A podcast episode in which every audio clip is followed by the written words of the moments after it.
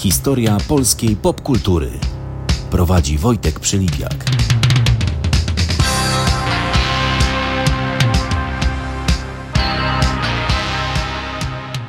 Dzień dobry, cześć. Nazywam się Wojtek Przylipiak, a to jest piąta część e, historii polskiej popkultury. W piątej części e, historie obrazkowe, bo tak kiedyś był nazywany komiks, czyli historia polskiego komiksu i to nie tylko komiksu tego e, kojarzonego z Kajakiem i Kokoszem, czy ze Żbikiem, czy z Tytusem, ale też komiks przedwojenny i współczesny. A specjalnym gościem będzie dziennikarz polityki, autor świetnego bloga o komiksach między kadrami, e, Jakub Demiańczuk. Zapraszam na opowieść o polskim komiksie.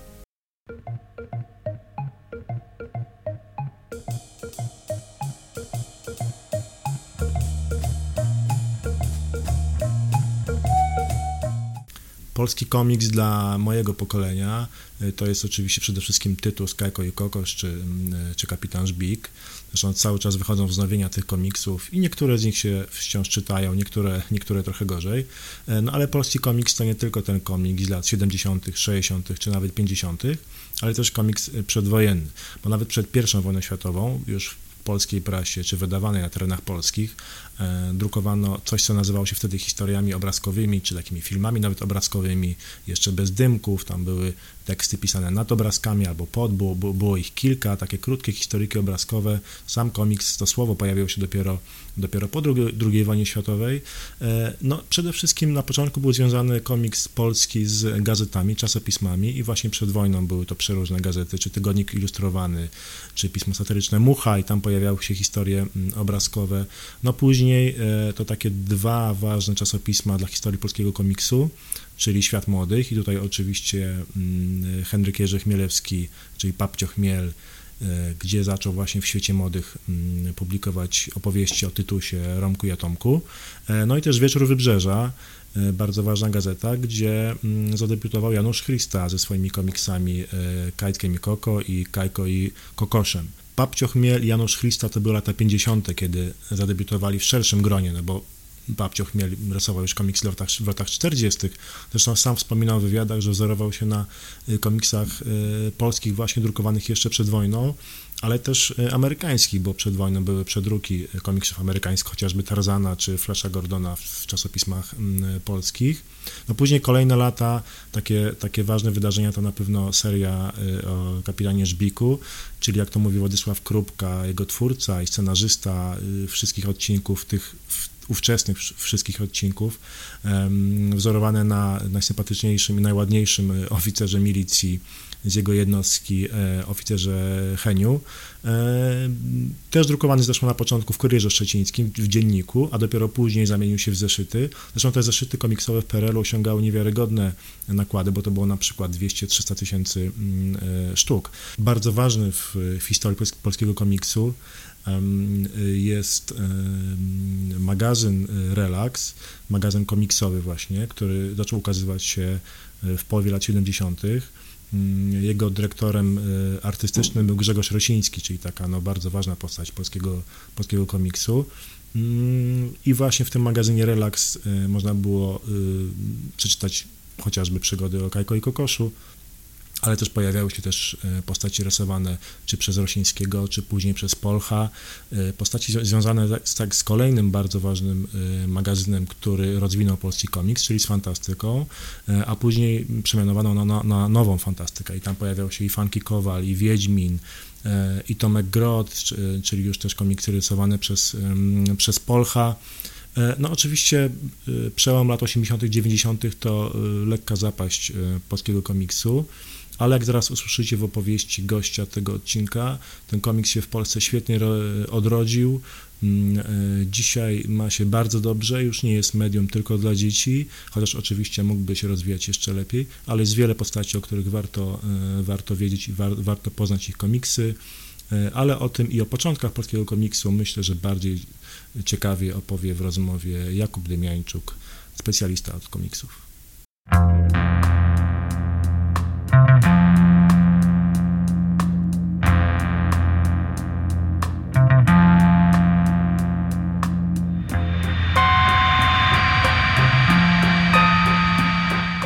Polski komiks pewnie w naszej generacji to przede wszystkim się kojarzy tytuł z Kokosz i, i Żbiki i takie rzeczy. E, niekoniecznie komiks dla dorosłych, przynajmniej wtedy. No ale polski komiks to nie PRL, tylko już przed wojną, a nawet przed pierwszą wojną światową, z tego co wiem. Jakie były początki polskiego komiksu? No bo wtedy to się przede wszystkim nie nazywało komiks, prawda? Nie, nazywało się komiks. Komiks to jest słowo, które weszło w Europie do użycia dopiero po II wojnie światowej. E, mówiło się na to albo historyjki obrazkowe, albo filmy animowane, albo seriale rysunkowe. Tak, takie y, y, różne tego rodzaju określenia wchodziły w grę. Tak naprawdę za początek polskiego komiksu to się uważa rok 1919. W zeszłym roku obchodziliśmy e, stulecie, może niezbyt licznie, ale, ale, ale jednak ono było jakoś tam zauważone. To w tym 1919 roku zaczął się ukazywać e, na łamach lwowskiego magazynu e, Szczutek, to tytuł tego magazynu, a tam ukazał się komiks Ogniem i Mieczem, czyli przygody szalonego Grzesia. Komiks napisany przez Stanisława Wasylewskiego z rysunkami e, Kamila Mackiewicza. Y, nie był to oczywiście komiks taki, jak, y, jak rozumiemy dzisiaj, czyli to była po prostu seria obrazków z rymowanymi podpisami.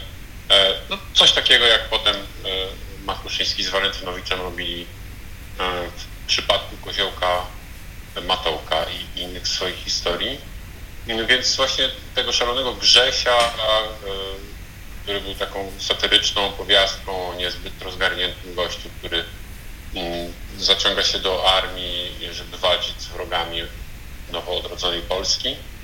Mm, tego Grzesia uważa się za pierwszy polski komiks, ale, ale masz rację, parakomiksowe historyjki pojawiały się na łamach polskiej prasy e, już w XIX wieku, gdzieś w latach 60., 70.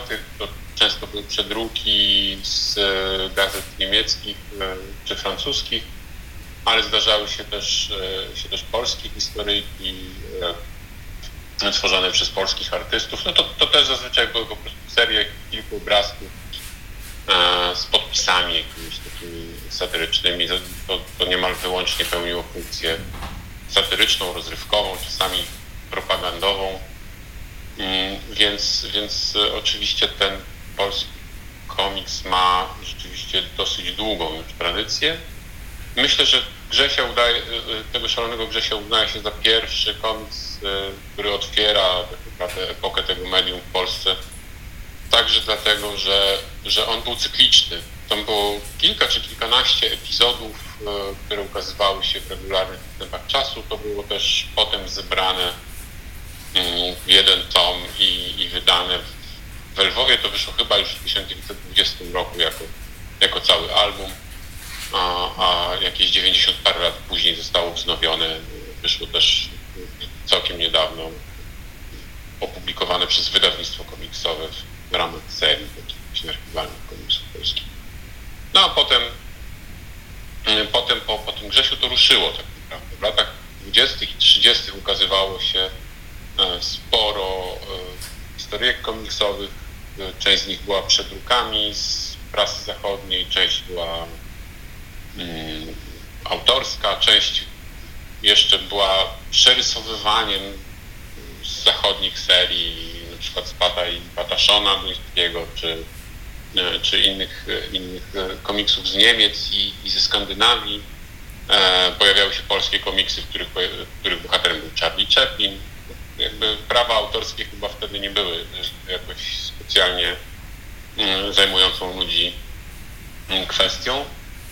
E, to co zazwyczaj była, znowu to były, to były historyjki satyryczne, często często miały funkcję propagandową, często były takimi no, po prostu opowiastkami, które miały wyłącznie rozweselić i, przyciągnąć czytelników do prasy. To było głównie w prasie takiej groszowej, y, sensacyjnej,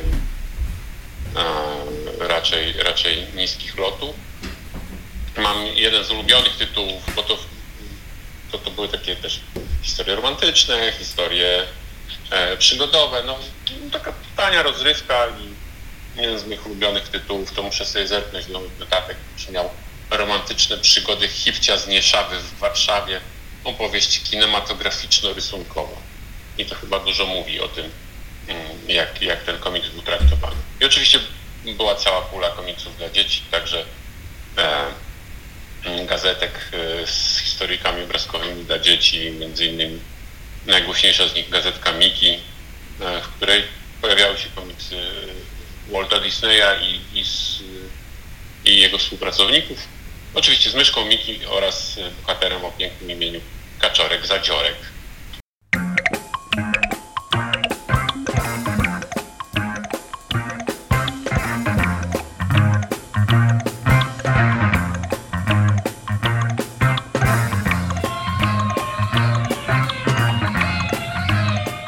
Jaki był według Ciebie najlepszy okres, e, okres polskiego, polskiego komiksu? Czy to był właśnie ten okres, który, jak wielu pewnie myśli, kiedy rodził się e, Kokosz, Tytus i inni bohaterowie?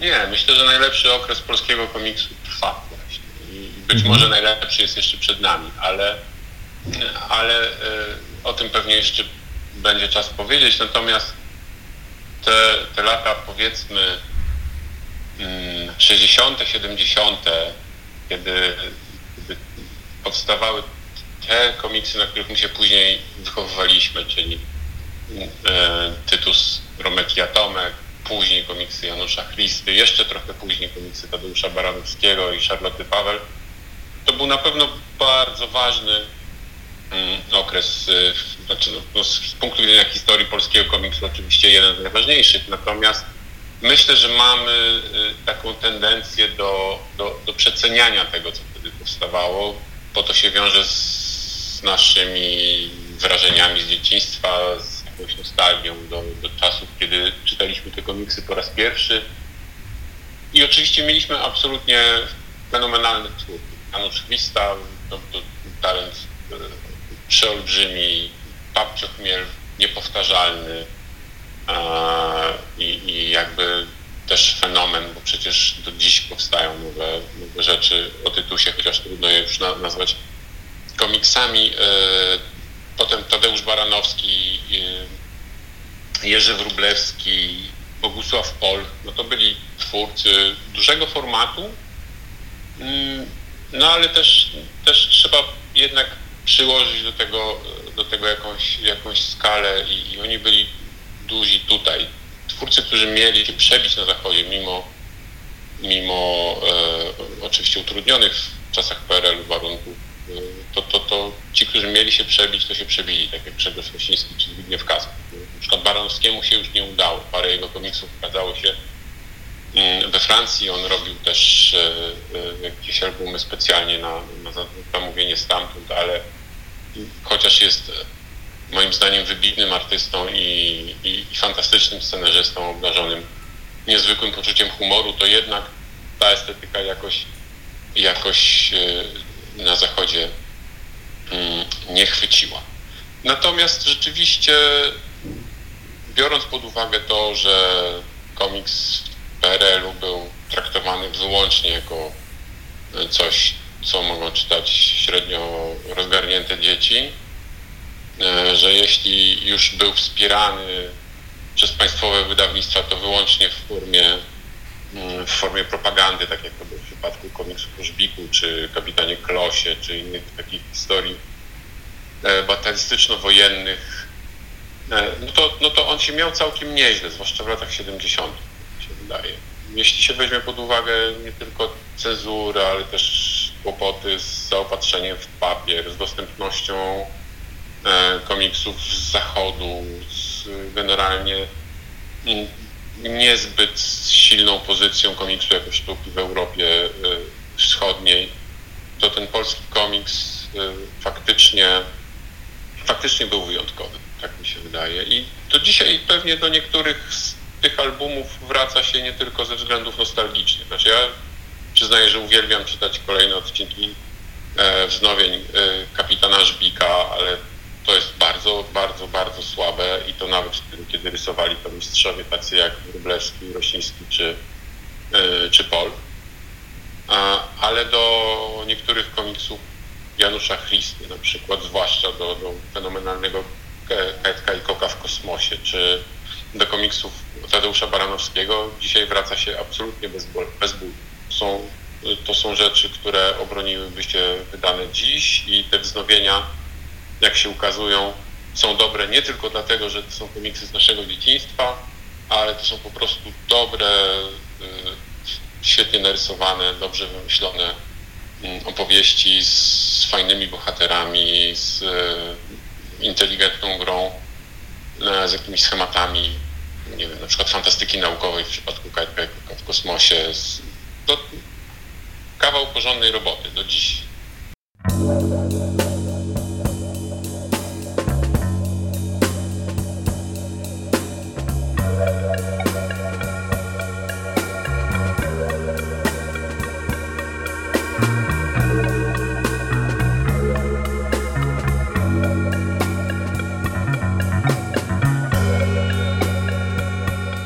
Powiedz, czy, czy jest jakaś taka wspólna e, cecha charakterystyczna tego komiksu, czy po prostu on polega jednak na indywidualnościach? Jaki jest współczesny komiks i jakich tu widzisz takich najciekawszych e, twórców? To jest ciekawe pytanie, bo on rzeczywiście jest. On, on, ten współczesny polski komiks faktycznie opiera się na indywidualnościach, że nawet gdy powstawały, czy czy gromadziły się jakieś środowiska wokół pewnego zjawiska, tak jak na przykład na początku lat 2000 był magazyn Produkt założony przez Michała Śledwińskiego i on zgromadził e, grupę absolutnie utalentowanych, fantastycznych młodych twórców, e, którzy za nic mieli komiksową tradycję polską, uczyli się już sztuki podglądając mistrzów e, z zachodu mm, i, i i nie byli w ogóle skrępowani żadnymi mm, wymogami, czy to cenzury, która już nie istniała, czy wydawców, którzy by narzucali jakieś swoje tematy, to jednak każdy z tych twórców jest takim bytem osobnym. Oni oczywiście poszli po pewnym czasie mm, swoimi ścieżkami. Niektórzy, tak jak e, właśnie Michał Śledziński, twórca Osiedla Swoboda, dzisiaj są trochę dziwnie brzmi, ale są filarami tego tego współczesnego polskiego komiksu, ale on jako całość, jako, jako zjawisko wciąż, e, wciąż opiera się chyba na indywidualnych wykonaniach twórców. Nie ma, no, jest może duży taki silny nurt komiksu dla dzieci, który, e, który jest, nie wiem jak to określić, ale, ale jest takim, mm, takim zjawiskiem łatwo poznawalnym, bo też czerpiącym wzorce nie tylko z zachodnich komiksów, ale też e, z tradycji polskiej, e, polskiej ilustracji dziecięcej. A oprócz komiksu dziecięcego, no to są, to są bardzo różne zjawiska. I tak naprawdę mamy w tej chwili mm, komiks mm, każdego gatunku właściwie. Mamy autobiograficzne czy biograficzne y, y, powieści graficzne, mamy e, komiks taki minimalistyczny, przesycony ironią stylu, nie wiem, co pamiętam, Mrożka, takie rzeczy jak robi Jacek Świdziński, czy zupełnie inny minimalizm komiksów Jana Mazura. Mamy bardzo silną i chyba najciekawszą w tym polskim komiksie grupę artystek. No, w czasach PRL-u kobiety tworzący komiksy praktycznie, to, to było niespotykane zjawisko, właściwie poza Charlottą Paweł. E, nie było pań, które, czy, czy dziewczyn, które by zajmowały się e, rysowaniem, pisaniem scenariuszy. Teraz mamy bardzo silną i bardzo zróżnicowaną grupę kobiet tworzących e, komiksy wszelkiego rodzaju, od autobiograficznych, takich wywodzących się z fanzinów historii robionych przez Annę Krztoń, po komercyjny, malarski komiks Anastazja, który namalowała Joanna Karpowicz do scenariuszy e, Magdy Lankosz. E, są e, absolutnie fantastyczne komiksy dziecięce robione przez Berenikę Kołomecką. To jest naprawdę mm, bardzo, bardzo ciekawe zjawisko, czyli ten, ten komiks kobiecy w Polsce, który w ostatnich latach wydaje mi się wyjątkowo wyjątkowo interesujący i wyjątkowo aktywna jest ta, ta, ta kobieca część sceny komiksowej, ale mm, nie bez powodu powiedziałem, że teraz chyba jest najciekawszy mm, czy najlepszy moment polskiego komiksu. Po pierwsze dlatego, że, że trochę pozwala na to rynek, znaczy jest duże zapotrzebowanie i dzięki temu mogą się ukazywać nie tylko wydania komiksów amerykańskich czy francuskich i belgijskich, ale też e, nowe polskie tytuły.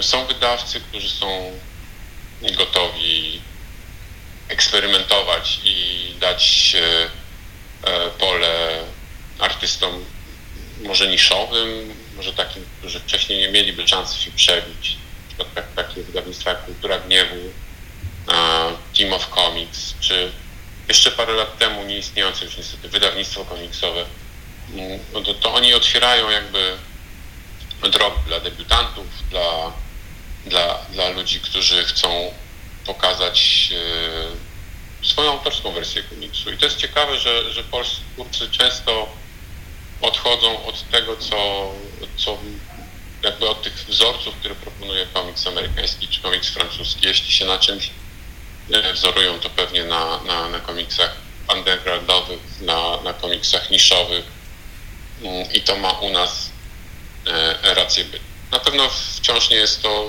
praca, z której można się utrzymać i, i tworzyć sobie tak e, kolejne albumy rok do roku, ale, ale myślę, że w tej chwili jest ten najlepszy moment, który e, miejmy nadzieję się utrzyma, no, że to ma szansę się jakoś jeszcze, jeszcze fajnie rozwijać.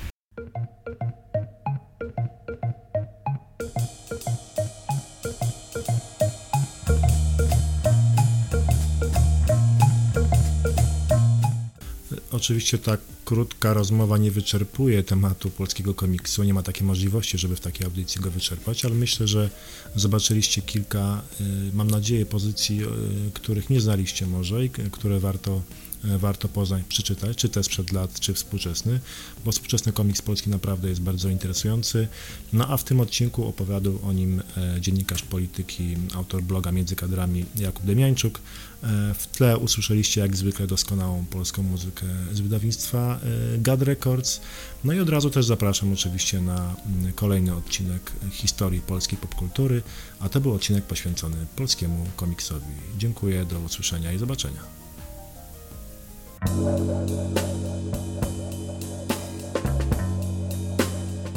Historia polskiej popkultury. Była to audycja Wojtka Przylipiaka.